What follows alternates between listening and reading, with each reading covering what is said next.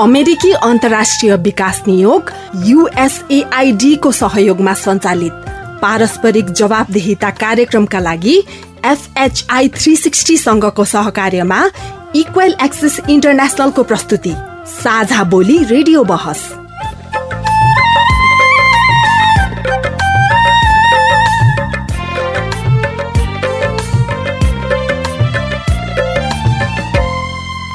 नमस्कार साझा बोली रेडियो बहसमा तपाईँलाई स्वागत छ। म दिपा कोइराला। साझा बोली रेडियो बहसमा हामी नागरिक समाज आम संचार माध्यम र सार्वजनिक निकाय बीचको पारस्परिक जवाबदेता र आपसी दिगो सम्बन्धका विषयमा बहस गर्छौं। पारस्परिक जवाबदेताका क्षेत्रीय सवाल र परिवेश समेटेर तयार पारिएको साझा बोली रेडियो बहसको यो स्थानीय संस्करण हो। आजको साझा बोली रेडियो बहस रेडियो भेडी एफएम अन्ठानब्बे थुप्लो छ एक सय दुई थुप्लो सात मेगार्जले उत्पादन गरेको हो। यो कार्यक्रम दाङको स्वर्गोदारी दैलेखको ध्रुवतारा र जाजरकोटको हाम्रो पाइला एफएमबाट पनि सुन्न सक्नुहुन्छ। जवाबदेताको राष्ट्रिय सवालमा नीति र कार्यान्वयनको समन्वय गर्ने साझा बोली रेडियो बहसको केन्द्रीय संस्करण इक्वल एक्सेस इन्टरनेसनलले काठमाडौँमा उत्पादन गर्छ। साझा बोलीका दुवै संस्करणहरू तपाईँले हरेक हप्ता एकै समयमा सुन्न सक्नुहुन्छ। साझा बोली रेडियो बहसको यस सत्रको यो स्थानीय संस्करणको नौ भाग हो। झण्डै चार वर्ष अघिदेखि प्रसारण भइरहेको साझा बोली यस वर्ष रेडियो बहसका रूपमा उत्पादन तथा प्रसारण सुरु भएको हो। साझा बोली रेडियो बहसको आजको भागमा हामी किसानका लागि आउने अनुदान कार्यक्रम र यसको प्रभावकारिताका बारेमा बहस गर्दैछौ। अब सिँचाइ छ सिँचाइको अब विद्युतीय मिटर होइन अब जस्तै डिप बोरिङको अनि लिफ्ट सिँचाइको पनि अब विद्युत आउँछ। त्यो विद्युतमा पनि अब सरकारले अनुदान दिने। भनेर त्यो कार्यक्रम पनि अहिले प्रपोज भएको छ। सायद अब हामी अब सूचीकृतको लागि अब सूचना खोल्छौँ केही दिनमा नै। त्यस्तै किसानले अनुदान कसरी लिने र यसको प्रक्रिया के हो भन्ने बारेमा तपाईँको प्रश्नको जवाब पनि सुन्न सक्नुहुन्छ। कृषि अनुदान कसरी पाइन्छ भन्ने कुरा कसरी थाहा पाउने। साथै कृषकका लागि आउने अनुदान कार्यक्रमहरू कसरी वितरण भइरहेका छन् र यसलाई प्रभावकारी बनाउन आगामी दिनमा के गर्न सकिन्छ भन्ने बारेमा पनि बहस गर्दैछौ। स्थानीय तहले नै अलिकति रिसोर्सलाई मजबुत बनाउने भनेदेखि भोलि त्यो नै ह्याप्पी हुन्छ उहाँहरूको लागि। साझा बोली रेडियो बहस अमेरिकी अन्तर्राष्ट्रिय विकास नियोग युएसएआईडी मार्फत अमेरिकी जनताहरूको सहयोगका कारण सम्भव भएको हो। यस कार्यक्रमभित्रका विषयवस्तु र सामग्री पारस्परिक जवाबदेहिता कार्यक्रमका एकल जिम्मेवारी हुन्। र यहाँ प्रस्तुत भनाइले युएसएआईडी वा अमेरिकी सरकारको विचार प्रतिबिम्बित गर्छन् भन्ने जरुरी छैन। रेडियो कार्यक्रम साझा बोली रेडियो बहसमा तपाईँलाई फेरि स्वागत छ। किसानका लागि आउने अनुदान र यसको प्रभावकारिताका लागि के गर्न सकिन्छ भन्ने बारेमा कुराकानी गर्न आज हामीसँग कृषि विकास निर्देशनालय कर्णाली प्रदेश सुर्खेतका निमित्त निर्देशक चित्र रोकाए हुनुहुन्छ। कार्यक्रम साझा बोली रेडियो बहसमा यहाँलाई हार्दिक स्वागत छ। धन्यवाद म्याडम। अब हामी विषय प्रवेश गर्छौ। आजको हाम्रो विषय हो किसानका लागि आउने अनुदान कार्यक्रम र यसको प्रभावकारिता कस्तो छ भन्ने बारेमा। छलफल सुरु गर्नुभन्दा पहिला हामीसँग केही नागरिकहरूको जिज्ञासा छ। त्यसलाई सुनौ अनि छलफल अगाडि बढाउला। नमस्कार मेरो नाम गीता चौधरी हो। यो कृषिबाट अनुदानको रूपमा के के चिज पाइन्छ? यो कृषि अनुदान लिने प्रक्रिया चाहिँ सजिलो गाह्रो के छ? यो सेवा कसरी लिन सकिन्छ? यसको बारेमा बताइदिनुहोस् न। नमस्ते म चाहिँ दामोदर पाण्डे घुराई महानगरपालिका वडा नम्बर दुई रामपुर। कृषि अनुदानको बारेमा मेरा प्रश्नहरू कसरी थाहा पाउने कृषि अनुदान कसरी पाइन्छ भन्ने कुरा कसरी थाहा पाउने कस्तो कस्तो कृषकहरूले पाउँछ भन्ने कुरा कसरी थाहा पाउने कसरी लिने भन्ने प्रक्रिया चाहिँ कसरी थाहा पाउने भन्ने विषयमा अनुदान कसरी पाइन्छ? प्रक्रिया के छ भन्नुभएको छ उहाँहरूले। हजुर हामीले सुन्यौँ उहाँहरूको कुरा। के भन्नुहुन्छ? उहाँहरूको कुरा हामीले सुन्यौँ। हजुर के भन्नुहुन्छ? जिल्ला कृषि विकास कार्यालय हुँदा र अहिले यो प्रदेश अन्तर्गतको जुन सङ्घीय संरचनामा आउँदाखेरि अलिकति केही प्रोसेस फरक छ। जस्तै पहिला जिल्ला कृषि विकास कार्यालय हुँदाखेरि हामी सम्बन्धित कृषक कहाँ जाने तपाईँहरूको कार्यक्रम के छ ल्याउनुहोस् भनेर भन्थ्यौँ भनेदेखि अहिले आएर के छ भनेदेखि अब यो प्रदेश सरकार कर्णाली प्रदेश सरकार अन्तर्गतका विगतको कार्यक्रमलाई हेर्दाखेरि विशेष गरी माघमा आधारित कार्यक्रमहरू बन्ने गर्छन् र त्यो अनुसार कार्यक्रमको सूचनाहरू खोलिन्छ प्रस्तावहरू कतिपय सूचनाहरू एएफएमद्वारा पनि हामीले बजाउने गरेका थियौँ। र जनरली सूचनाको म्याद भनेको तिस दिनको रहन्छ। तिस दिनभित्र त्यो आवेदन जसले गर्नुभयो उहाँहरूको निवेदन दर्ता हुन्छ। र त्यसपछि अब यहाँ एउटा समिति छ। समितिभन्दा अगाडि हाम्रो फिल्ड भेरिफिकेसन हुन्छ। प्राविधिक समिति उहाँहरूले गर्नुहुन्छ। अब जस्तै फिल्डमा गएर सम्भाव्यता के छ होइन? क्राइटेरिया सबै पुगेको छ कि छैन सबै कुराहरू हेर्नुहुन्छ।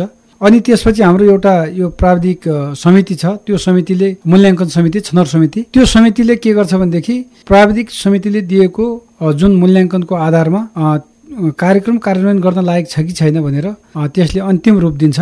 र सो अनुसार बजेट विनियोजन भएर कार्यक्रमहरू कृषक कहाँ पुग्ने गर्छन्। होइन छनौट भइसकेपछि त्यसपछि पनि सम्झौता हुन्छ। सम्झौतामा जनरली के हुन्छ भनेदेखि कार्यक्रमको नेचर अनुसार यो अलिकति यो अनुदान मोडालिटी फरक छ। जस्तै निजी फर्म छ भनेदेखि पचास प्रतिशत हाम्रो कृषि विकास निर्देशनालय अथवा कृषि विकास कार्यालयहरूको रहन्छ भनेदेखि कृषक समूह छ भनेदेखि साठी पर्सेन्ट अनुदान रहन्छ र कृषि सहकारी छ भनेदेखि सत्तरी प्रतिशत कार्यालयको अनुदान रहन्छ। र बाँकी बजेट भनेको कृषकहरूले बिहोर्नु पर्ने हुन्छ। यो मध्ये पनि अब प्रधानमन्त्री कृषि आधुनिकरण परियोजना अन्तर्गत हामी कहाँ ब्लक कार्यक्रमहरू सञ्चालन छ। ब्लककोमा के छ भनेदेखि बिउ बिजन लगायत अन्य कृषिजन्य सामग्रीहरूमा पचास प्रतिशत अनुदान प्रदेश सरकारको रहन्छ भनेदेखि पचास प्रतिशत सम्बन्धित लाभ गराएको रहन्छ। र भौतिक संरचना अन्तर्गत पचासी प्रतिशत भौतिक संरचना भन्दा कुलो भयो हाट बजार भयो होइन र अलि प्रबन्धन किसिमको सामूहिक हिसाबले प्रयोग हुने जुन भौतिक संरचनाहरू छन् तिनमा पचासी प्रतिशत अब प्रदेश सरकारको रहन्छ भनेदेखि बाँकी पन्ध्र प्रतिशत जनसहभागिता रहने प्रावधान छ। जस्तो किसानहरूले पनि केही न केही अलिकति त्यसमा योगदान दिनुपर्छ। कृषकले योगदान दिनै पर्ने हुन्छ। जस्तै पहिला के थियो भनेदेखि कृषि विकास कार्यालय हुँदाखेरि अब हामीले मिनी किटदेखि लिएर अन्य किट वितरणका कार्यक्रम कार्यालयमा हुन्थ्यो कृषकहरू जाँदाखेरि पाउनुहुन्थ्यो। अनुदानमै पाउनुहुन्थ्यो विषादी त्यसपछि बिउ अहिले त्यस्तो छँदै छैन कार्यक्रमै छैन।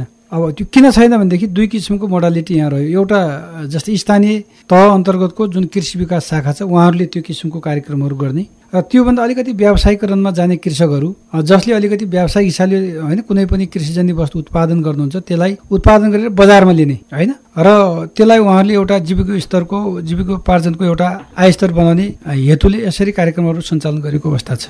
जस्तो स्थानीय तह र निर्देशनालयले दिने अनुदानका कार्यक्रमहरूमा के भिन्नता छ?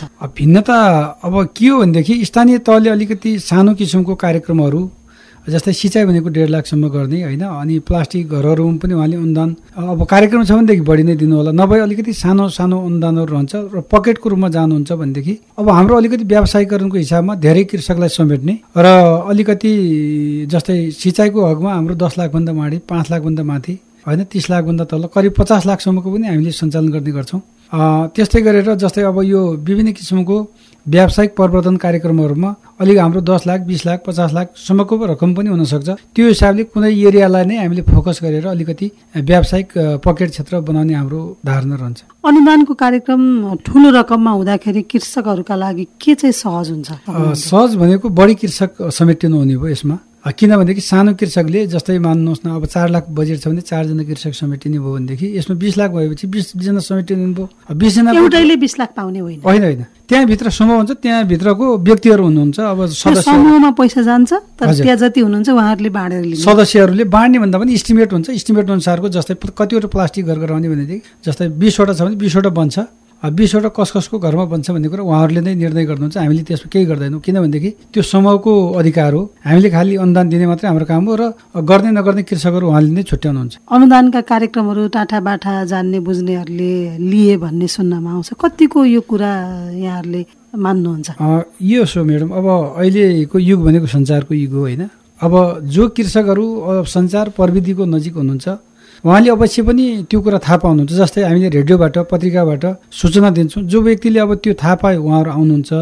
अब हजुरले भने चाहिँ अब तिनी पनि कृषक नै हुनु। अहिलेसम्म हामीले खेतमा गएर सुर्खेतको सन्दर्भमा मैले भन्न चाहेँ। हेर्दाखेरि अब कुन वास्तविक कृषकले पाएको छैन त? भन्ने कुरा त अब कृषक त्यसले प्लास्टिकहरू बनाएकै छ सिँचाइ पोखरी बनाएकै छ कुलो खनेकै छ। भनेदेखि त्यो कृषकले पाएको। अब रहेको कुरा के हो भनेदेखि अब हामीले जुन गर्नुपर्ने नितान्त रूपमा जुन ग्रामीण स्तरमा रहेका जुन सचेतना नभएका कृषकहरू हुनुहुन्छ उहाँहरूको जीवनस्तर माथि उकास्ने हाम्रो वास्तवमा प्रयास रहनु पर्थ्यो। जस त्यस्ता कृषकहरू कहाँ अझै पनि वास्तवमा भनिदियो भनेदेखि सूचना पुगेकै सूचना पुग्न सकेका छैन। त्यो वास्तविक त्यो सत्य नै हो। र कतिपय अवस्थामा हामीले के गर्छौँ भनेदेखि ल तपाईँहरू आउनुहोस् भनेर त्यो गरिरहेका कृषकलाई पनि हामीले आएर सोझै पनि दिने गरेको अवस्था पनि छ म्याडम। र अब कार्यक्रमको मोडालिटीमै अब भनौँ न अर्को किसान सरकार गरिब किसान सरकार हातेमालो कार्यक्रम छ जस्तै चिङ्गाडमा हाम्रो सञ्चालन छ। जहाँ अलिकति न्यूनतम हिसाबले आयोजनको जुन बेसिक लाइन छ गरिबीको त्योभन्दा तल रहेको जनसङ्ख्यालाई कभरेज गर्ने भनेर किसान सरकार हातेमालो कार्यक्रम छ। त्यहाँ उहाँहरू यहाँ आउनु पर्दा हामी नै त्यहाँ जान्छौँ।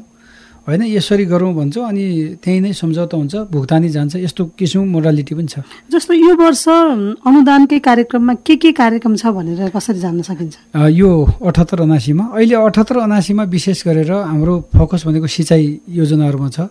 सिँचाइमा पनि अब नयाँ प्रविधिमा आधारित जस्तै अब कतिपय ठाउँमा लिफ्ट सिँचाइ डिप बोरिङ अब होइन यस्तै किसिमका नदी अब हाम्रो सुर्खेत धेरै जसो तटीय क्षेत्रमा छ।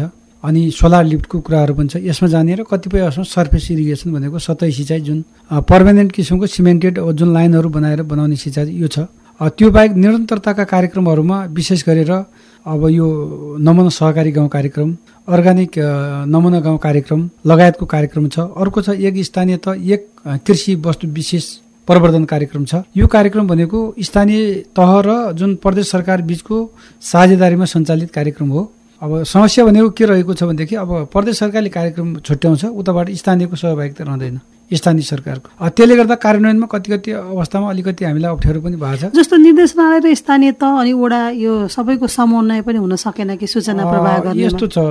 अब हामीले जनरली के हो भनेदेखि अब समन्वय दोहोरो हुनुपर्छ होइन? हामीले कृषि विकास निर्देशनालय अथवा कृषि विकास कार्यालयहरूबाट जुन हुने प्रस्तावहरू सूचनाहरू हामीले स्थानीय पालिका अथवा गाउँपालिकाहरूको नगरपालिका गाउँपालिकाको इमेलमा पनि राख्छौँ। कृषिको साथीहरूलाई जानकारी पनि दिन्छौँ। हाम्रो यहाँ समन्वयात्मक बैठक पनि बस्छ दुई दुई महिनामा। त्यो भइसकेपछि कतिपय अवस्थामा अब त्यो मेलै नहेर्ने सिस्टम पनि छ अहिले पनि होइन। साथीभाइहरूको अब त्यो कतिमा पहुँच पनि छैन। त्यसले गर्दा सूचना दिने हुन्छ। अब अब यसरी स्थानीय तहले पनि यो कार्यक्रम गर्दैछ भने उहाँले पनि जानकारी दिनु पर्थ्यो उहाँहरूको भनाइ के छ भनेदेखि प्रदेशले मात्रै गर्नुपर्ने अब सङ्घले मात्रै गर्नुपर्ने होइन नि त। स्थानीयले पनि हाम्रो कार्यक्रम यो छ यसरी जोइन्ट गरौँ भनेर हुनु पर्थ्यो यो अलिकति कमी नै छ। सुर्खेतको सन्दर्भमा यो नरहला। कतिपय ठाउँमा यो समस्या पनि देखिरहेको अवस्था छ। नभए तिनवटा सरकारको समन्वयात्मक हिसाबमा हामीले योजनाबद्ध हिसाबले काम नगरेपछि सफल हुन अलिक गाह्रै हुन्छ। सूचनाको हिसाबमा पनि अब ग्रामीण भेगका सामान्य कृषकहरूको ठाउँमा सूचना पुगेन भने त उहाँहरू सेवा लिन कुरो यस्तो छ अब जस्तै स्थानीय पालिकामा हामीले सूचना दिँदा पनि त्यहाँ पनि टाँठैबाट आउने फेरि। जो सूचना अब त्यहाँ पनि त धेरै छन् पहिलाको एउटा वडा गाविस भनेको अहिलेको एउटा वडा छ। त्यहाँ रहेका पनि अलिकति जस्तै यो गर्नुपर्छ यसरी गर्नुपर्छ भने जो टाँठो कृषकहरू छ उहाँहरू आउनुहुन्छ समग्रमा। जस्तै हाम्रो जस्तो यो सुर्खेत जिल्लामा करिब हाम्रो पचहत्तर प्रतिशतभन्दा बढी कृषक नै हुनुहुन्छ होइन? यत्रो कृषि जुन कृषक भएको बस्तीमा सबै ठाउँमा सूचना त पुग्न गाह्रै भएको अवस्था छ। त्यसमा अब रिसोर्स लिमिटे लिमिटेसन पनि छ। स्रोत साधनको कमी रहन्छ। सबै कृषकलाई समेट्न खोजे तापनि अब स्रोत त हुनु पऱ्यो फेरि होइन? त्यसले गर्दा के हो भनेदेखि कतिपय स्थानमा अब जस्तै प्रदर्शनका कार्यक्रमहरू सञ्चालन गर्ने र त्यो प्रदर्शनबाट उहाँहरूले सिकेर आफूले गर्ने। अब यस्तो मोडालिटी वास्तवमा यो प्रदेश सरकारको पनि छ स्थानीय सरकारको पनि छ। नभएपछि as a whole hundred percent कृषकहरूलाई नै वास्तवमा समेट्छु भनेर त्यो सम्भव पनि नहोला तर समेट्नु त पर्ने हो सम्भव देखिन्न। एउटा किसान जसलाई चाहिँ अनुदानका केही कार्यक्रमहरूको आवश्यकता छ उहाँलाई चाहिँ त्यो जान्न मन लाग्यो भने उहाँले पहिला कहाँ सम्पर्क गरेर कसरी आउने? अब कन्ट्रोभर्सी भनेको यही छ। अब कृषकको भनाइ के छ भनेदेखि अहिलेको जुन यो सङ्घीय संरचनाभन्दा हामीलाई पहिलाकै ठिक थियो भन्नुहुन्छ कृषक। एकदम। स्थानीय तह भएर स्थानीय तहको त्यो कृषि विकासको शाखाले कृषि शाखाले गरेको हामीलाई केही पनि कामहरू थाहा हुन्न भन्नुहुन्छ उहाँ अब भएको के हो भने म्याडम पहिला हाम्रो सुर्खेत जिल्लामा जम्मा छवटा सेवा केन्द्र थिए। अहिले त नौवटा छन् नि। एक हिसाबले नौवटा कार्यालय यो प्रदेशको निर्देशन दसवटा भयो होइन यो भइसकेपछि सियाको जुन पहुँचमा वृद्धि त हुनु पर्थ्यो कृषकहरू अब अनुदान अब के अरे आफ्नो आफूले पाउने जुन सहयोग कहाँबाट हो भन्ने कुरा कन्ट्रोभर्सी भएको छ। स्थानीय तहले दिने हो कि प्रदेश सरकारले उहाँहरू यसमा अन्यल रहनु भएको छ। बुझाउनै सकिएन। बुझाउन सकिया छैन। अब किनभनेदेखि अब सेवा प्रवाह गर्ने हाम्रो जुन प्रकृति छ त्यो एउटै किसिमको देखिन्छ। कतिपय कृषकहरू अब हामीलाई पनि थाहा नहुन्छ स्थानीय तहबाट पनि लिने हामी कहाँबाट पनि लिने पनि दोहोरो पनि हुनसक्छ। कतिपय सङ्घीय सरकारबाट पनि आज माग्ने होइन। अब हामी किनभने हामी जाँदाखेरि हाम्रो देखाइदिने स्थानीय जाँदाखेरि स्थानीय देखाइ सङ्घीय जाँदा सँगै देखाइदिने। यो परिपाटी जो टाँठाबाठाले एक दुई ठाउँमा नभएको पनि होइन भएकै हो। तर के हो भने हामीले यो हुन दिनु हुँदैन भनेर जस्तै फिल्ड भेरिफिकेसन भुक्तानी दिँदाखेरि हुने कुराहरू स्थानीय जुन तहका कृषिका साथीहरूसँग सम्बन्ध यो गरेर रिड्युसिङ त हाम्रो भइरहेछ। अब कतिपय अवस्थामा अब मैले यहाँ सेयर गर्नै पर्छ रिजम एपी उच्च मूल्य कृषि वस्तु विकास आयोजना आदि जस्ता आयोजना विगतमा थियो अहिले पनि छन् फरक नाम छ। ती आयोजनाले बनाएको जुन प्लास्टिक घरमा अहिले हल्का इनेमेल लगाइदिने त्यसपछि लिपोत गरिदिने अहिले फेरि नयाँ अनुदान लिने। है त्यस्तो पनि देखियो। हामीले त्यस्ता कुराहरूलाई रोक्यो रोक्ने प्रयास गर्यो। किन थाहा भयो नि त। नियतै नियत खराब भएपछि सकिन्न म्याडम। यो किनभनेदेखि यो कृषि कृषक र कृषि भनेको भेग छ। ठुलो क्षेत्र वृहत क्षेत्र हो। यहाँ भनौँ न अब बजारमै कृषि नगर्ने घर कुन छ करेसाबारीमा तरकारी नलानेको कोही हुनुहुन्छ? छैन नि त। यसले गर्दा अलिकति गाह्रो छ यो वास्तवमा। पहिलाको भन्दा धेरै हामीले रिड्युसिङ अब यसलाई न्यूनीकरण गर्ने प्रयास त गरिरहेछौँ। तर कृषकको अन्यलता कृषकको बुझाइ हजुरले भने जस्तै त्यो रहनु स्वाभाविक छ। उहाँहरू अन्यलै रहनु भएको छ। कसरी आउने होला त त्यसो भएपछि? अब यसो अब अलिक क्लियर कट रूपमा के हो भनेदेखि जो व्यावसायिक हिसाबमा अलिक ठुलो व्यवसाय गर्न चाहने कृषकहरू हुन्छ त्यो प्रदेश सरकार अन्तर्गतको कृषि विकास कार्यालय अथवा प्रदेश कृषि विकास निर्देशनालयहरूमा सम्पर्क गर्दाखेरि राम्रो हुन्छ जस्तै बलकका कार्यक्रममा। आएर बुझ्नु पर्यो के। कार्यक्रम छ कस्तो छ। कसरी होइन? बल्लभको कार्य कतिपय हामी त सूचना पनि दिन्छौँ यहाँबाट पनि दिन्छौँ अन्य एफएमहरू स्थानीय एफएममा पनि दिन्छौँ। बल्लभको कार्यक्रमहरू सञ्चालन गर्नु छ भने कृषि विकास निर्देशन सम्पर्क गर्नु पर्यो। पकेटका कार्यक्रमहरू सञ्चालन गर्नु छ भने स्थानीय तहमा गर्नु पर्यो। होइन जस्तै अब बिरुवाहरूको अनुदानमा पनि अलिकति यहाँ कस्तो भइदियो भनेदेखि अब अलिकति यो सरकार अनुसार अनुदानको फरक परेको छ अहिले जस्तै हाम्रो कृषि विकास निर्देशनालयमा हामीले अलिक कृषकको डिमान्ड बढी आयो हुनाले त्यहाँ पैँतिसदेखि चालिस प्रतिशत अनुदान दिने यान्त्रिकरणमा अनि त्यो भएपछि आएका कृषकलाई कभर गर्न सकिन्छ भन्ने हामीले एउटा नियम राख्यौँ। कतिपय स्थानीय तहले पचासी प्रतिशत सत्तरी प्रतिशत कतिले हन्ड्रेड पर्सेन्ट गरिदिनु भयो त्यो सम्झौता गरेको कृषक पनि लिन आउनु भएन। सायद उहाँले त्यहाँबाट पाउनुभयो होला। त्यो त राम्रो? पनि भयो राम्रो पनि भयो। कृषकको लागि राम्रो भयो तर पाउने कृषकले पाउनु भएन नि त फेरि। त्यहाँ फेरि उता जानुभयो होइन? यसले गर्दाखेरि अलिकति हाम्रो यो घटाउने तरिका र कार्यक्रम गर्ने तरिकामा अब हाम्रो स्थानीय तहमा कार्यरत प्राविधिक साथीहरू हामीहरू बसेर नै यसलाई के गर्ने भनेर टुङ्ग्याउनु पर्ने हुन्छ। नभए कृषकको दायित्व त कृषकले जहाँबाट पनि सेवा लिन सक्नुहुन्छ। उहाँहरूलाई बारबन्देज गरिदिनुहुन्न। किनभनेदेखि उहाँहरूको सेवा क्षेत्र ठुलो। अलिकति ठुलो यो अनुदानमा हामी गर्छौँ। जस्तै हामीले एउटा व्यक्तिगत कृषकलाई दुई लाखदेखि लिएर पाँच लाख होइन कतिपयमा सात आठ लाख पनि दिन सकेको अवस्था छ अहिले। व्यावसायिक हिसाबमा जाने तर स्थानीय तहको उहाँले सक्नुहुन्न नि व्यक्तिगत कृषकलाई फर्मको हिसाबमा त दस बाह्र लाख एउटाले सक्नुहुन्न। अब त्यसरी जस्तै अहिलेको मोडालिटी भनेको जस्तै निजी क्षेत्रको व्यक्तिगत कृषक होस् समूह होस् अथवा सहकारी होस् सबैलाई हामीले सँगै परिवर्तन गर्ने हो। यहाँ जस्तै सुर्खेतमा मान्नुहोस् एउटा कृषकले दस रोपनीमा उहाँले तरकारी खेती गर्नुभएको छ एकजना फार्मले। उहाँले एउटा फार्मले एक दिनमा तिसजनालाई जागिर दिनुभएको छ भने त्यसलाई परिवर्तन गर्ने कि नगर्ने रोजगारीसँग पनि जोड्नु पर्यो। तर कार्यक्रमको ढाँचाको हिसाबले त फेरि समूहमा जाने भयो नि अनुदान। फेरि कसरी यसो छ। पहिलो प्रायोरिटी भनेको सहकारी कृषक समूह हो। र अर्को हाम्रो प्रायोरिटी सेक्टर भनेको अब यो समूह सहकारीमा कन्फ्लिक्टको अवस्था आयो। होइन अब त्यहाँ पनि भित्र गइसकेपछि व्यक्ति नै हुन्छ फेरि। त्यो भएपछि अब सँगसँगै यो व्यक्तिगत फार्महरूलाई व्यक्तिगत किन उनीहरूले करमा त गएकै छन् तिनीहरूलाई पनि सँगै परिवर्तन गरेर जानुपर्छ। मैले भनेको स्थानीय निकाय अलिकति त सानो भए कसरी जाने होला त समन्वयको पाटो? यहाँले गर्ने अथवा उहाँहरूले आउने? अब ठुलोको समन्वय- हिसाबले त ठुलोले सानोलाई समेट्नु पर्ने होला अब? यसो समन्वय त अब भइरहेछ म्याडम होइन? जस्तै मैले भने हाम्रो प्रत्येक दुई महिनामा हाम्रो स्थानीय तहको साथीहरूसँग हामी बस्छौँ। तथ्याङ्क सङ्कलन जस्तै जिल्ला स्तरीय तथ्याङ्क सङ्कलन गर्नु पर्यो भनेदेखि स्थानीय तहको तथ्याङ्क भनेको एक ठाउँमा भयो त्यसले गर्दाखेरि जिल्ला स्तरीय तथ्याङ्क सङ्कलन गर्दा पनि बडो बडो अहिले चुनौती छ। उहाँहरूबाटै लिने हामीले होइन? त्यो त्यसको लागि पनि हामी समन्वयात्मक बैठकहरू गर्ने गर्छौँ। हाम्रा कार्यक्रमहरूको जानकारी सबै उहाँहरूलाई दिन्छौँ होइन? उहाँहरूको पनि हामीले लिने। अनि यसलाई अलिकति अनुगमनकै हिसाबमा जस्तै हामी कहाँ छनौट भएका यति यति छन् भनेर उहाँहरूलाई सूचना दिने। त्यो भएको लिस्टमा भएकोलाई उहाँले छनौट नगर्ने त्यो कुराहरू छन्। स्थानीय निकाय मात्र नभएर अहिले तह मात्रै नभएर अहिले जस्तै अब यहीँ पनि दुई तिनवटा हाम्रो आयोजना भन्छ एएसडिपी छ हजुरलाई थाहा छ। अर्को प्रधानमन्त्री कृषि आधु आधुनिक परियोजना अन्तर्गतको हाम्रो जोनहरू छ होइन कतिपय ठाउँमा सुपर जोन छ। उहाँहरू बिच पनि वास्तवमा हामी सबैको यो एकै ठाउँमा बसेपछि केही मात्रामा भए पनि हाम्रो जुन यो दोहोरोपन हुने कुरा छ यो न्यूनीकरण हुनसक्छ सबभन्दा ठुलो कुरा अहिले भनेको समन्वय र सहकारी नै हो म्याडम होइन? जस्तै संविधानले पनि त्यही परिकल्पना गरेको छ हाम्रो होइन? समन्वय र सहकारी र सहअस्तित्व। हाम्रो अहिलेसम्मको छलफल हेर्दाखेरि एउटा चाहिँ तिनवटा तहबीच सहकार्य र समन्वय हुनु पर्यो।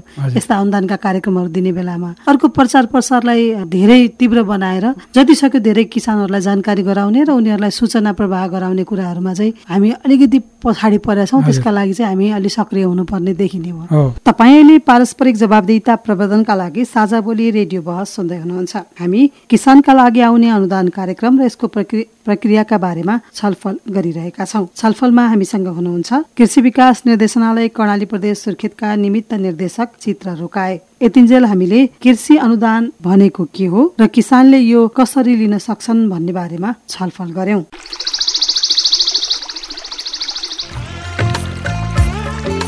प्रश्न परिवर्तनको सुरुवात हो। जवाफ रूपान्तरणको आधार हो। प्रश्न आविष्कारको जननी हो। जवाफ सुशासनको परिणाम हो। त्यसैले प्रश्न सोधौं जवाफ खोजौं। तपाईँले हामीलाई पैसा नलाग्ने नम्बरमा फोन गरेर आफ्ना कुराहरू भन्न सक्नुहुन्छ। एनसेल प्रयोग गर्नुहुन्छ भने अन्ठानब्बे शून्य पन्ध्र एकहत्तर शून्य उन्तिसमा फोन गर्न सक्नुहुन्छ। एनटिसी प्रयोग गर्नुहुन्छ भने सोह्र साठी शून्य एक शून्य शून्य चार पाँच नौमा फोन गर्न सक्नुहुन्छ। अथवा Boli Sajha at the rate Gmail dot com B O L I S A J H A at the rate Gmail dot कममा इमेल गरेर वा मेरो रिपोर्ट र साझा बोलीको फेसबुक युट्युब ट्विटर टिकटक पोस्टहरूमा सेयर लाइक वा कमेन्ट गरेर पनि आफ्ना कुराहरू भन्नु सक्नुहुन्छ। पारस्परिक जवाफदेहिताका लागि प्रश्न सोधौं जवाफ खोजौं। साझा बोली रेडियो बहस। साझा बोली रेडियो बहसमा अहिले हामी कृषि अनुदानका बारेमा छलफल गरिरहेका छौँ। हामीसँग अतिथि हुनुहुन्छ कृषि विकास निर्देशनालय कर्णाली प्रदेश सुर्खेतका निमित्त निर्देशक चित्र रोकाए। अब हामी कृषि अनुदान कसरी वितरण भइरहेको छ कस्ता कस्ता किसानहरूले पाउनु भएको छ यसको छनौट प्रक्रिया के छ र सहजै वितरण गर्नका लागि के गर्न सकिन्छ भन्ने विषयमा छलफल गर्छौ। छलफललाई सुरु गर्नुभन्दा पहिला हामीसँग नागरिकको जिज्ञासा छ त्यो सुन्छौ अनि छलफललाई अगाडि बढाउला।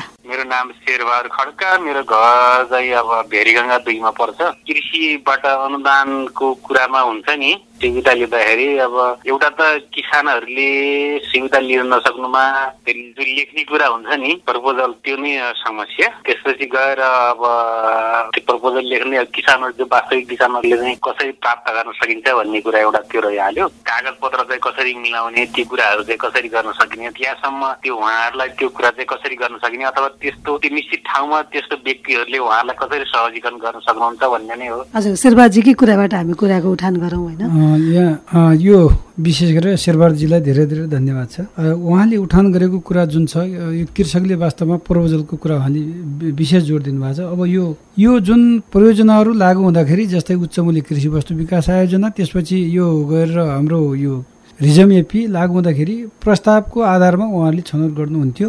त्यो हामीले खालि के हो भनेदेखि एउटा फर्मेट छ त्यो कृषकले सामान्य भर्ने मात्रै हो। त्यो कहीँ गएर त्यो व्यावसायिक उस कहाँ गएर कन्सल्टेन्ट गएर लेख्ने होइन। आएर आफ्नै हातले लेख्ने फर्मेट छ जुन साधारण विवरण हो। त्यो विवरण आफै भर्ने हो। कतिपय अवस्थामा कृषकहरू त्यही भर्नलाई म पाँच हजार दिन्छु छ हजार दिन्छु दस हजार दिन्छु भन्दै अर्को व्यक्ति कहाँ पुग्ने र अब त्यो भरिसकेपछि मैले त राम्रोसँग भइरहेको छु पर्छ भन्ने हुन्छ होला उहाँलाई। जो टाइप गरेर आएको प्रस्ताव छ त्यो त सोझै क्यान्सल हुन्छ। कृषकले कृषककै भाषामा लेखे प्रस्तावलाई हामीले बढी ध्यान अब यसलाई के अरे बढी फोकस गर्ने गरेको छ। त्यो देख्ने बित्तिकै यो त बनावटी हो भन्ने बनावटी बनावटी हो भन्ने कुरा बुझिन्छ। किनभनेदेखि अब त्यत्रो गर्ने त सामान्य कृषकलाई नगर्नु भनेकै छ नि। किनभनेदेखि अब त्यो टाइप गर्ने खर्च त्यो कम्ती पाँच छ हजार लाग्यो भने हामीले बुझिन्छ। त्यो व्यावसायिक कृषक होइन कि त्यो वास्तवमा यस्ता कृषकहरू हिजोदेखि नै थिए।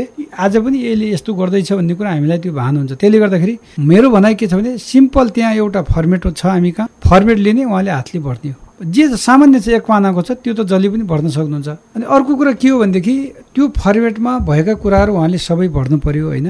भरिसकेपछि अब त्यो अनुसार छनौट भइसकेपछि छनौट गर्न आउनु पर्यो। अनि त्यसपछि गएर उहाँले गर्नुपर्ने काम के हो भनेदेखि समूह अथवा सहकारीमा गइसकेपछि हाम्रो समूह अथवा सहकारी छनौट भयो भनेर त्यहाँ समूहको सबै सदस्यलाई जानकारी पनि दिनु पर्यो। कति अवस्थामा त्यो पनि देखिन्न कि? पारदर्शिता त्यहाँ हुनु पर्यो नि। त्यो ल्याउनको लागि समूह चाहिन्छ भनेर सहभागिता गराउने गराउने पछि चाहिँ आफ्नै पछि गइसकेपछि रकम कति आयो भुक्तानी कति आयो यस्ता कुराहरू नहुने गरेको सबैले होइन कि? यता कदा मात्रै हो। त्यो गरिसकेपछि अन्तिममा काम सकिने बेला सर कम्तीमा हाम्रो काम सक्यो हेरिदिनुहोस् भन्नु पऱ्यो कार्यालयलाई। कार्यालयले त हेर्छ हेर्दा त। हेरिसकेपछि तपाईँले यो पुरा गर्नुहोस् है यो पुरा भएन भने कार्यालयले भन्छ। र त्यसपछि गएर उहाँहरूले भुक्तानीको प्रक्रियामा जस्तै वडाको सिफारिस भनेको छ वडाको सिफारिस पनि ल्याउनु पर्यो किन वडालाई रिस्पोन्सिबल बनाउनु पर्यो? समूह सहकारीको निर्णय भनेको हुन्छ त्यो निर्णय हुनु पर्यो त्यसमा पनि सबैको सिग्नेचर हुनु पर्यो। होइन अनि प्रतिबद्धताको कुरा छन् अनि अर्को कुरा हामीले के मागेका छौँ भनेदेखि उहाँहरूले स्वयं एउटा प्रगति विवरण पेस गर्नु पर्यो। जस्तै मैले यति लाख रुपियाँ ल्याएर यति हजार ल्याएर त्यो पनि सामान्य भाषामा। सामान्य भाषामा यो गर्यो यतिजना लाभान्वित भयो यति पुरुष यति मैला भयो यसबाट यति फल्यो भनेर एक पाना जतिमा कृषकले सिग्नेचर गरेर त्यो प्रगति दिनु पर्यो भन्ने छ हाम्रो। त्यो पनि राखिदिनु। सिग्नेचर भयो सिग्नेचर नत्र औँलाको छाप पनि। छाप भयो भने किन। कृषकको भन्ने भयो। यहाँ त अहिले के भयो भने यो त होइन कार्यालयले त आफै बनाउँछ रिपोर्ट होइन नक्कली रिपोर्ट बनाउँछ भन्ने हुन्छ नि त। त्यसले गर्दा त्यो कुरा भनेका छौँ हामीले। अनि त्यसपछि गएर कतिपय अवस्थामा प्यान र प्यानका कुराहरू छन् जस्तो अहिले अब यो सरकारी निकायले अथवा सरकारी कार्यालयहरूले भुक्तानी दिँदाखेरि प्यानमा गएको समूहलाई बढी महत्त्व दिने किनभनेदेखि खाता हुन्छ त्यो कुन सरकारी प्रयोजनको लागि भन्ने हुन्छ। प्यान नम्बर पनि भन्ने छ। कतिपय अवस्थामा जुन टेम्पोररी अस्थायी किसिमका समितिहरू छन् जस्तो उपभोक्ता समिति। त्यसमा भनेको छैन अहिले बनायो अर्को साल त्यो चेन्ज भइदिन्छ। अनि प्यानमा गएर उहाँलाई फाइदा हुन्न यस्ता कुराहरू पनि उहाँले ए, जे होस् मेन्टेन गर्नुपर्ने हुन्छ। अहिले अर्को सिस्टम के छ भनेदेखि पिडिएस सिस्टममा जाँदाखेरि जुन अहिले त अनलाइन सिस्टम छ भुक्तानी उहाँहरूको नामै फरक भएको जस्तो एउटा अक्षर मात्रै फरक पर्यो भनेदेखि भुक्तानी हुँदैन। कतिपय अहिले यो- वर्ष पनि हामीले त्यो समस्या बियर गरेका छौँ। जस्तै भनौँ न यो आदर्श भन्ने छ आदर्शको हजुरको माथिको इकार मात्रै छुट्यो भने भुक्तानी हुँदैन। ए संस्थाको कुरामा सहकारीहरूको कुरा सहकारी जस्तै सहकारी व्यक्तिकै पनि। व्यक्तिको माझ होइन एउटा अङ्क फरक पर्ने बित्तिकै ब्याङ्कले त्यसलाई अनर गर्दैन त्यसपछि रिजेक्ट हुने फेरि आउने फेरि बनाउने। यो बडो दुःख हुन्छ। त्यसले गर्दाखेरि नाम क्लियर गर्दाखेरि उहाँले आफूले राम्रोसँग हेर्नु पर्यो। सबै ठिकठाक ठिकठाक छ भनेपछि मात्रै कार्यालयमा आउनु पर्यो नभएपछि पछि कार्यालयमा पेस गर्दै रिजेक्ट हुने सम्भावना बढी हुन्छ।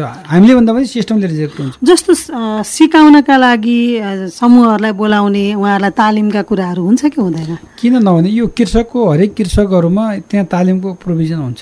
प्रायः जसो समूह सहकारी हुन्छ। व्यक्तिगतलाई त अब गाह्रै हुन्छ त्यहाँ हुन्छ। त्यहाँ हाम्रो फिल्ड भिजिटमा पनि हामी भनिरहेको हुन्छौँ कि अब बानी के हो भने भए कतिपय हामी पनि सेवा लिन जाँदै भइ भइहाल्छ नि किन हुँदैन? हजुर हामी नै भन्छौँ नि। किन हुँदैन? दुःख दिन खोज्यो होइन अब यसमा अलिकति घुस माग्यो कि के माग्यो भन्ने कृषकमा त्यो भान पनि पर्न सक्छ कि अहिले। सिस्टमले भनेको कुरा त हुनु पर्यो नि त।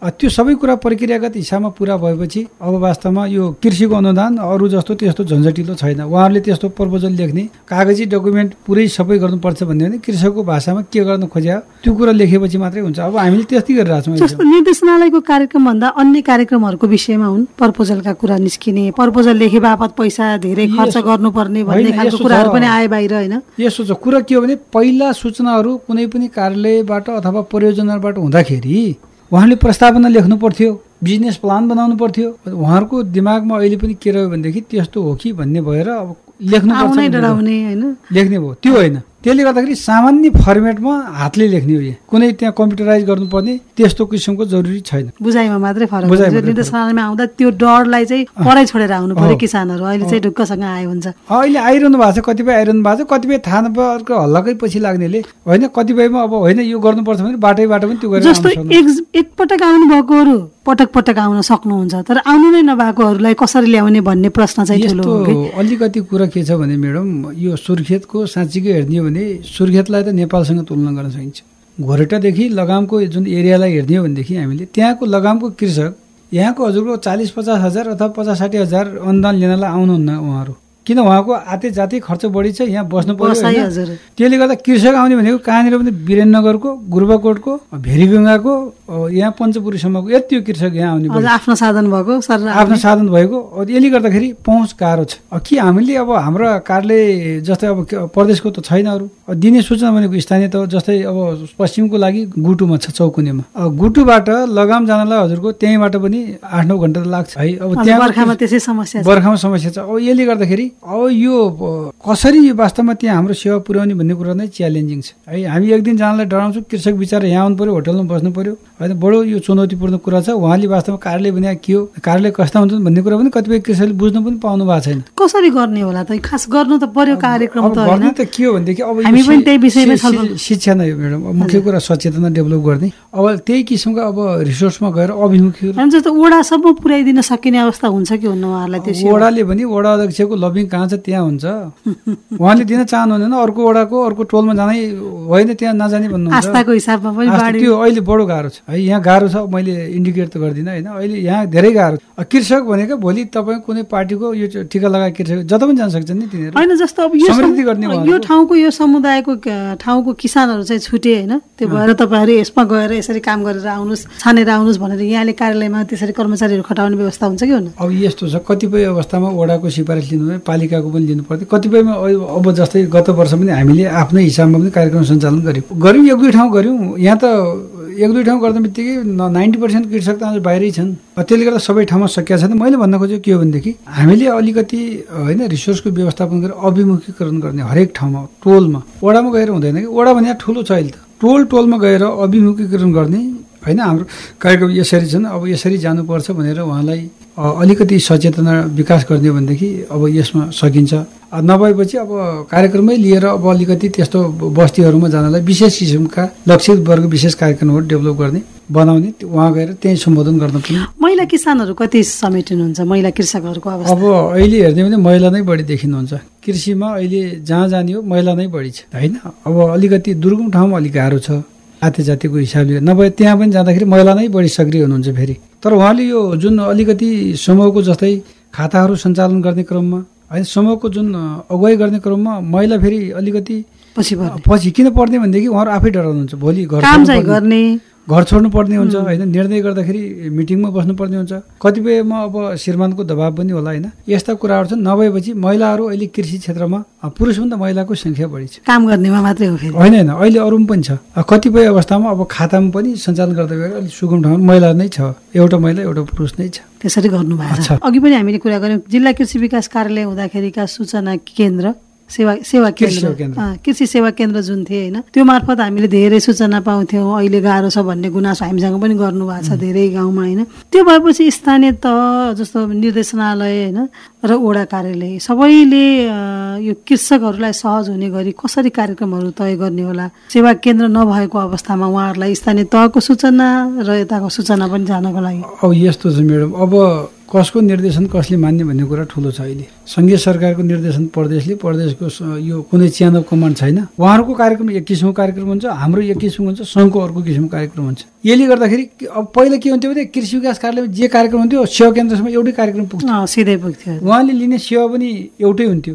अहिले त कन्फ्युजिङ छ कि जस्तै धेरै अरूमा चाहिँ स्थानीय तह हुँदा सहज भयो कृषिमा असहज भयो भनेर बुझ्ने त? यो अब अलिकति त्यो होइन कि अब स्थानीय तहमा जुन रिसोर्स छ अहिले हेर्ने हो भनेदेखि स्थानीय तहमा जुन पहिला पन्ध्र पर्सेन्ट बजेट जुन जिल्ला विकास समितिले छुट्याउनु पर्छ भन्ने थियो नि सेम अहिले कृषिलाई हेर्ने दृष्टि त्यही छ त्यहाँ पनि। जस्तै हजुरको चालिस करोडको बजेट हुँदाखेरि कृषिले पचास लाख पाउने पचास लाख पैसाले कतिवटा वडाको कुन ठाउँमा जान सक्नुहुन्छ कृषि साथीहरू? रिसोर्स छुट्याउनु पर्यो उहाँलाई थोरै धानको बिउ बाँड्ने थोरै बुटाहरू बाँड्ने त्यो भएपछि त गाह्रो छ। त्यसले गर्दा रिसोर्स छुट्याउने र प्रत्येक पालिकाहरूले पनि कृषिलाई अगाडि होइन यो एउटा हाम्रो प्रमुख व्यवसाय हो भनेर उहाँहरूले अङ्गीकार गर्नुपर्छ। त्यो भएपछि मात्रै हुन्छ। रिसोर्स नभएपछि गफ मात्रै गरेर केही पनि हुन्न। अब जस्तै कार्यालयमा एक रुपियाँ छैन मैले जति दिनभरि रेडियोमा बोलेर के हुन्छ र? पानी कृषिले के होइन? त्यसले गर्दा रिसोर्सलाई पनि त्यही हिसाबमा हामीले छुट्याउनु पर्ने हुन्छ। अब कृषिमा चाहिएको छ कृषक किन कृषिमा आउँछ अनुदानकै लागि आउँछ यो एकछिन गफ लगाउनुहोस् यसरी यसरी खेती गर्नुहोस् भने दिनभरि क्लास दिनुहोस् के गर्ने हाल छैन अब उहाँलाई चाहियो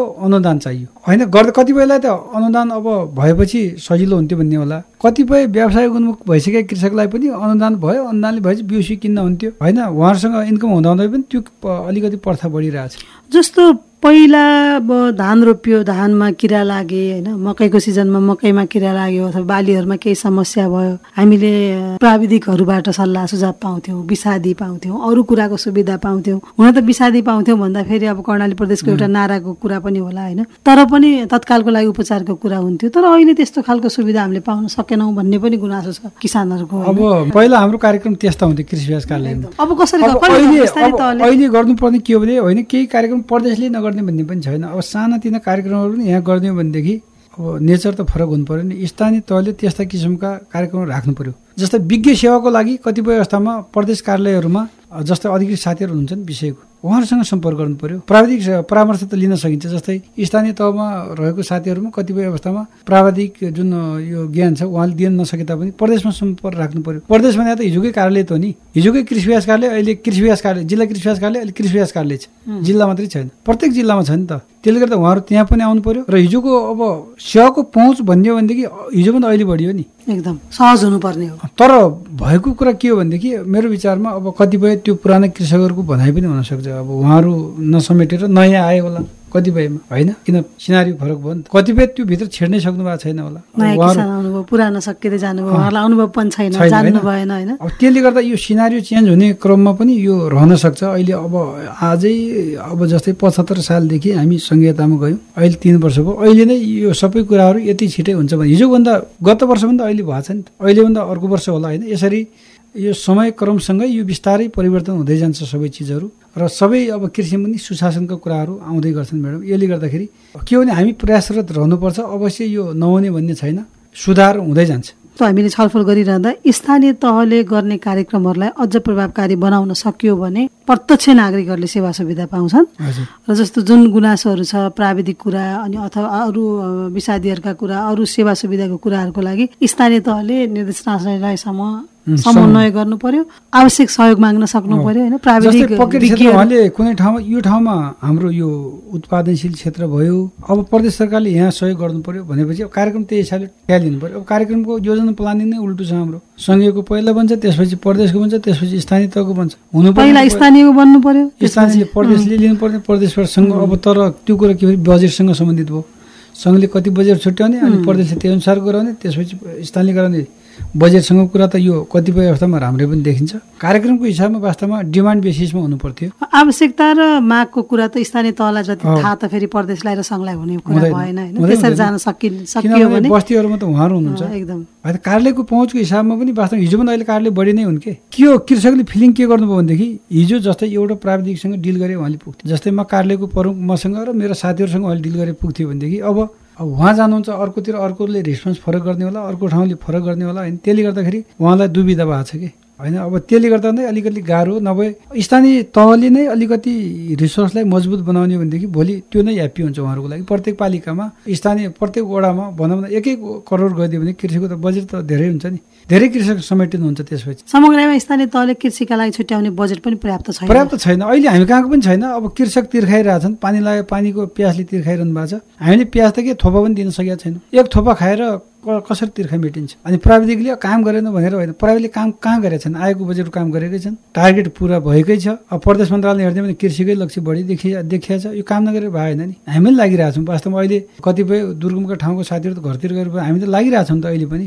समन्वयको पाटोलाई बलियो बनाउनु पर्यो र कृषिका लागि बजेटहरूको व्यवस्थापन गर्नु पर्यो र स्थानीय तहको कृषि शाखालाई अझ सक्रिय बनाउनु पर्यो भन्ने हाम्रो छलफलको निष्कर्ष। सोधी खोजी सुनौ। साझा बोली रेडियो बहस।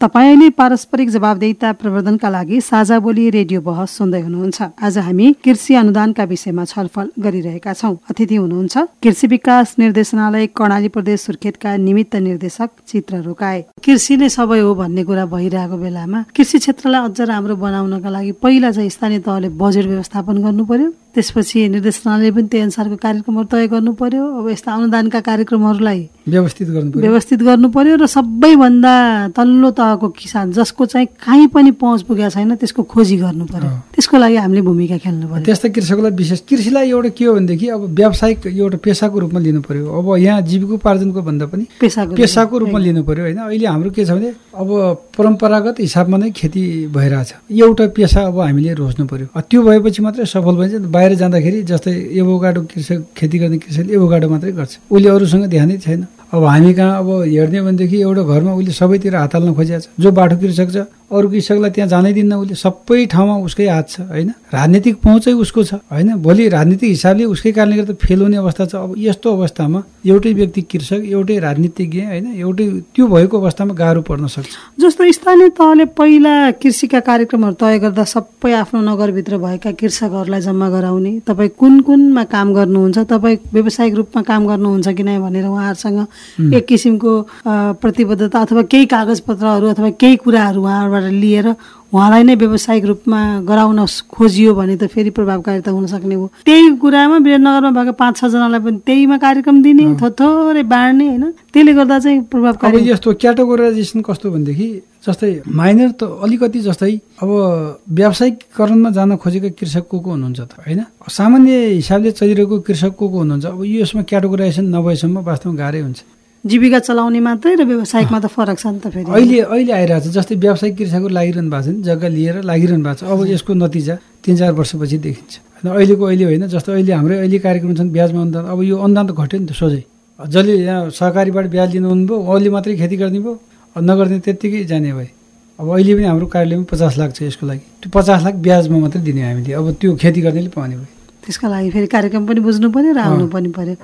अब बजारको कुरा पनि हुने होला फेरि। कृषकले उत्पादन गर्ने अनि फेरि ल्याएर फाल्नुपर्ने स्थिति भयो भने फेरि त्यो पनि गाह्रो। त्यसको लागि पनि त पहिले सोच्नु पर्यो योजना त चाहियो। त्यही त नि अब जस्तै अब हिजो जुम्लामा बाटो नपुग्दाखेरि स्याउ उत्पादन भयो फाल्यो। अब जुम्लामा स्याउ छैन अहिले। छैन। होइन अब यो यो मुख्य कुरा के हो भनेदेखि कुनै पनि कार्यक्रम गर्दाखेरि भौतिक संरचनाको विकास कतिको भएको छ त्यो कुरामा ध्यान दिनुपर्ने हो। अर्को कुरा अहिले जस्तै open market system global market भइरहेको छ अब हामीले अब कृषक पनि अब उही उत्पादन गरिदिने यो बिक्री कृषि विकास कार्यालय अथवा निर्देशनाले गरिदियोस् भन्ने होइन। त्यसको खोजी त आफै गर्ने हो जस्तै बजारमा एउटा पेसाको रूपमा कुनै कपडा पसलेले फ्यान्सी पसल राखेको छ भने ग्राहकलाई त उसले मोटिभेसन गर्छ नि। हो व्यावसायिक हिसाबमा कृषक पनि त्यो हिसाबमा जानु पर्यो। आफ्नो सामान कसरी जस्तो कसैले अर्ग्यानिक ट्यागिङ दिएर ट्रेडिङ मार्क दिएर होला। कसैले अर्कै नाम दिएर होइन विविध छ नि त अहिले। यस्तो ट्रेड मार्कहरू दिएर त्यो अप्नाउनु। पर्यो। अब नभएपछि अब यो जस्तै अब आफ्नो वस्तु उत्पादन हुँदैछ भने सम्बन्धित बजारमा गएर मेरो यो वस्तु बिक्री उत्पादन हुँदैछ है भने उसँग एग्रिमेन्ट गर्नु पर्यो अनि बिमा गर्नु पर्यो इन्सुरेन्स अब वस्तु भयो अन्तिममा रोग लागेर मऱ्यो बिमा सिमा छैन अन्तिममा राहत चाहियो अरे। अब राहतको कुरै छैन अहिले बिमा कुरा आइरहेछ। सुरुमै त्यो कुराहरूमा पनि उहाँहरूले विचार गर्नु पर्यो। अब मूल्य श्रृङ्खला पद्धतिमा जस्तै मेरो उत्पादन भइसकेपछि यो कहाँ कहाँ जान्छ त? यसको अन्तिम रूप दिने कहाँ भन्ने कुरा पनि विचार गर्नुपर्ने हुन्छ। त्यसरी अब कृषकले व्यावसायिक हिसाबमा आफूलाई रूपान्तरण गर्न समयसँगै होइन? जस्तो हामी यो आर्थिक वर्षको सुरुवातमै हामी यो छलफल गरिरहेछौँ अब यो वर्ष अनुदान लिन आउने कृषकहरूले पहिला निर्देशनालयमा आएर बुझ्नु पर्यो। हजुर। होइन? त्यहाँ आएर सम्पर्क गर्ने बित्तिकै त्यहाँ सम्पर्कमा आउने कार्यालयका कर्मचारीहरूले चाहिँ उहाँहरूलाई प्रष्ट रूपमा भनिदिनु पर्यो। हजुर। र त्यही अनुसार उहाँहरू आफ्नो कार्यक्रममा र अनुदानका कार्यक्रममा सहभागी हुनु पर्यो। कतिपय त यस्तो छ सिँचाइका कार्यक्रम तोकिएका छन् अहिले। अहिले पनि उहाँलाई हामीलाई थाहा छैन कृषकलाई थाहा भएपछि। यो पहुँचको आधारमा त्यहाँ तय छ। तय छ। हामीलाई त मलाई थाहा छैन। कहाँ छ सिँचाइ के छ मलाई थाहा छैन। कृषकलाई थाहा भइसक्यो। अब यस्तो किसिमको कार्यक्रम पनि छ। अब अहिले सङ्क्रमणकालीन मैले अघि भने नि त यो अहिले यस्तो तरलता छ। यसमा अब त्यसले गर्दा हामीले दिन चाहेको अब जस्तो मैले प्रपोज गरेको कार्यक्रम एउटा थियो। अब बनेर अर्को आयो। अब यसमा त मेरो दोष छैन नि। सम्बन्धित पाउने कृषक हामीले हेरिरहेको थियौँ यो टार्गेट वर्ग। तिनी पनि हुन् वास्तवमा। अब के राजनीतिले लिएका जन होलान् अब त्यो त हामीलाई थाहा छैन फेरि। त्यस्ता किसिमका कार्यक्रमहरू पनि बनिरहेका हुन्छन् कतिपय असारको एक गते कार्यक्रम आइरहेको हुन्छ अनि यसले गर्दाखेरि यसमा अब कर्मचारी असारे बजेटको त अब हाम्रो धेरै कुराहरू अर्कै पाटो छ होइन। हजुर। तर पनि पहिलो चरण चाहिँ सम्पर्कमा आउनु पर्यो आफ्नो आवश्यकताका लागि। आउनु पर्यो। कतिलाई मैले भनेको कतिलाई थाहा छँदैछ। जुन अब सूचनाको माध्यमद्वारा जाने कृषकहरू उहाँहरू सम्पर्कमा आउनु पर्यो के के कार्यक्रम छ भनेर हामीले त्यो अनुसार अब अन्तिम रूप कार्यक्रम अझै पनि आइसकेको छैन हामी कहाँ। अब रेड बुकमा चाहिँ रेड बुकको कार्यक्रम र हाम्रो पेलाएमएसको कार्यक्रम म्याचै गरिरहेको छैन। होइन? यसले गर्दाखेरि उहाँहरू आइसकेपछि हामीले उहाँहरूलाई अब सल्लाह सुझाव र अन्य कुराहरू हामीले उहाँलाई दिन्छौँ कृषकहरूलाई। एकचोटि सम्पर्कमा आइरहेका त पटक पटक आइरहनु। जो आउनु भएको छ नि उहाँहरूको खोजी गर्नु चाहिँ अहिलेको महत्त्वपूर्ण अब ट्रेन भनेको के छ भनेदेखि उही उही पोहोर पहि- पहिला त्यहाँभन्दा पहिलाको नै आउने उसले पाएन भने विरोध गर्ने प्रथा छ हामी कहाँ? मैले लिइसकेँ अब अर्कोलाई पालो दिउँ भन्ने छैन कि? मैले पोहोर पाइरहेको थिएँ अहिले किन पाइनँ भनेर हजुर कहाँ आउने पत्रकार कहाँ जाने भनेको उहाँहरू जस्तै कृषक हो। एकदम। जसले चाहिँ पाइरहेको। मैले प्रत्येक वर्ष पाइरहनुपर्छ अर्कोले पाउनु हुँदैन भन्ने मान्यताको। त्यो हो वास्तविक कृषकले किन पाएनन् भन्ने कुरामा वास्तविक कृषकको भएस त हामी सुनेकै छन्। त्यो हजुर कहाँ पहुँचमा आउने भनेको पनि पहुँचवाला नै हो। होइन वास्तविक कृषक यहाँ आउँदैन? त्यस्तोको खोजी गर्नु चाहिँ तपाईँ हाम्रो जिम्मेवारी होइन। त्यसका लागि चाहिँ अघिल्लो वर्ष भएन यो वर्ष अलिकति अर्को वर्ष अलिकति गर्दै गर्दै हामी सुधार्दै जाउँ। त्यसकै लागि चाहिँ हामीले यस्ता छलफलहरूको आयोजना गर्ने र छलफल गर्ने हो। त्यसले एउटा केही निष्कर्ष त पक्कै पनि निकाल्छ। कार्यक्रममा सहभागी भइदिनु यहाँलाई धेरै धेरै धन्यवाद। धन्यवाद म्याडम। मैले पनि केही कुराहरू राख्न पाएँ। र मैले यही बिचमा आदरणीय कृषक दाजुभाइ तथा दिदीबहिनीहरूलाई केही कुरा राख्न चाहेँ। अब यो भदौदेखि असोजको फर्स्ट विकसम्म सायद कतिपय हाम्रो सूचनाहरू निस्किन्छ होला होइन? हामीले प्रस्तावहरूको सूचना निकाल्छौँ। कृषि विकास निर्देशनालय जिल्ला कृषि विकास कृषि विकास कार्यालयहरू र स्थानीय पालिकाहरूमा सम्पर्क राख्नु होला भन्ने कुरा राख्न चाहेँ। हस् धन्यवाद। धन्यवाद। कार्यक्रम साझा बोली रेडियो बहसमा आज हामीले कृषि अनुदान र यसको प्रभावकारिताका बारेमा छलफल गर्यौं। छलफलमा हामीसँग अतिथि हुनुहुन्थ्यो। कृषि विकास निर्देशनालय कर्णाली प्रदेश सुर्खेतका निमित्त निर्देशक चित्र रोकाए। हामी साझा बोली रेडियो बहसको अन्त्यमा आइपुगेका छौं। साझा बोली रेडियो बहस बारे मनका कुरा भन्नका लागि एनटिसीको मोबाइल वा ल्यान्डलाइन फोन प्रयोग गर्नुहुन्छ भने सोह्र साठी शून्य एक शून्य शून्य चार पाँच नौमा फोन गर्न सक्नुहुन्छ। एनसेल प्रयोग गर्नुहुन्छ भने अन्ठानब्बे शून्य पन्ध्र एकहत्तर शून्य उन्तिसमा फोन गर्नुहोला। यी नम्बरहरूमा फोन गरेको पैसा लाग्दैन। र प्राप्त निर्देशन अनुसार प्रश्न सोध्न सकिन्छ। पारस्परिक जवाबदेता बारे आफूले देखे सुने या भोगेका कुनै कुरा लेख मार्फत व्यक्त गर्न चाहनुहुन्छ वा अरूका लेखहरू पढ्न चाहनुहुन्छ भने W W W dot M E R O dot net पनि लगइन गर्न सक्नुहुन्छ। साझा बोली रेडियो बहस तपाईँले मेरो रिपोर्ट वेबसाइट पोडकास्ट च्यानल र सामाजिक सञ्जालहरूमा पनि सुन्न सक्नुहुन्छ।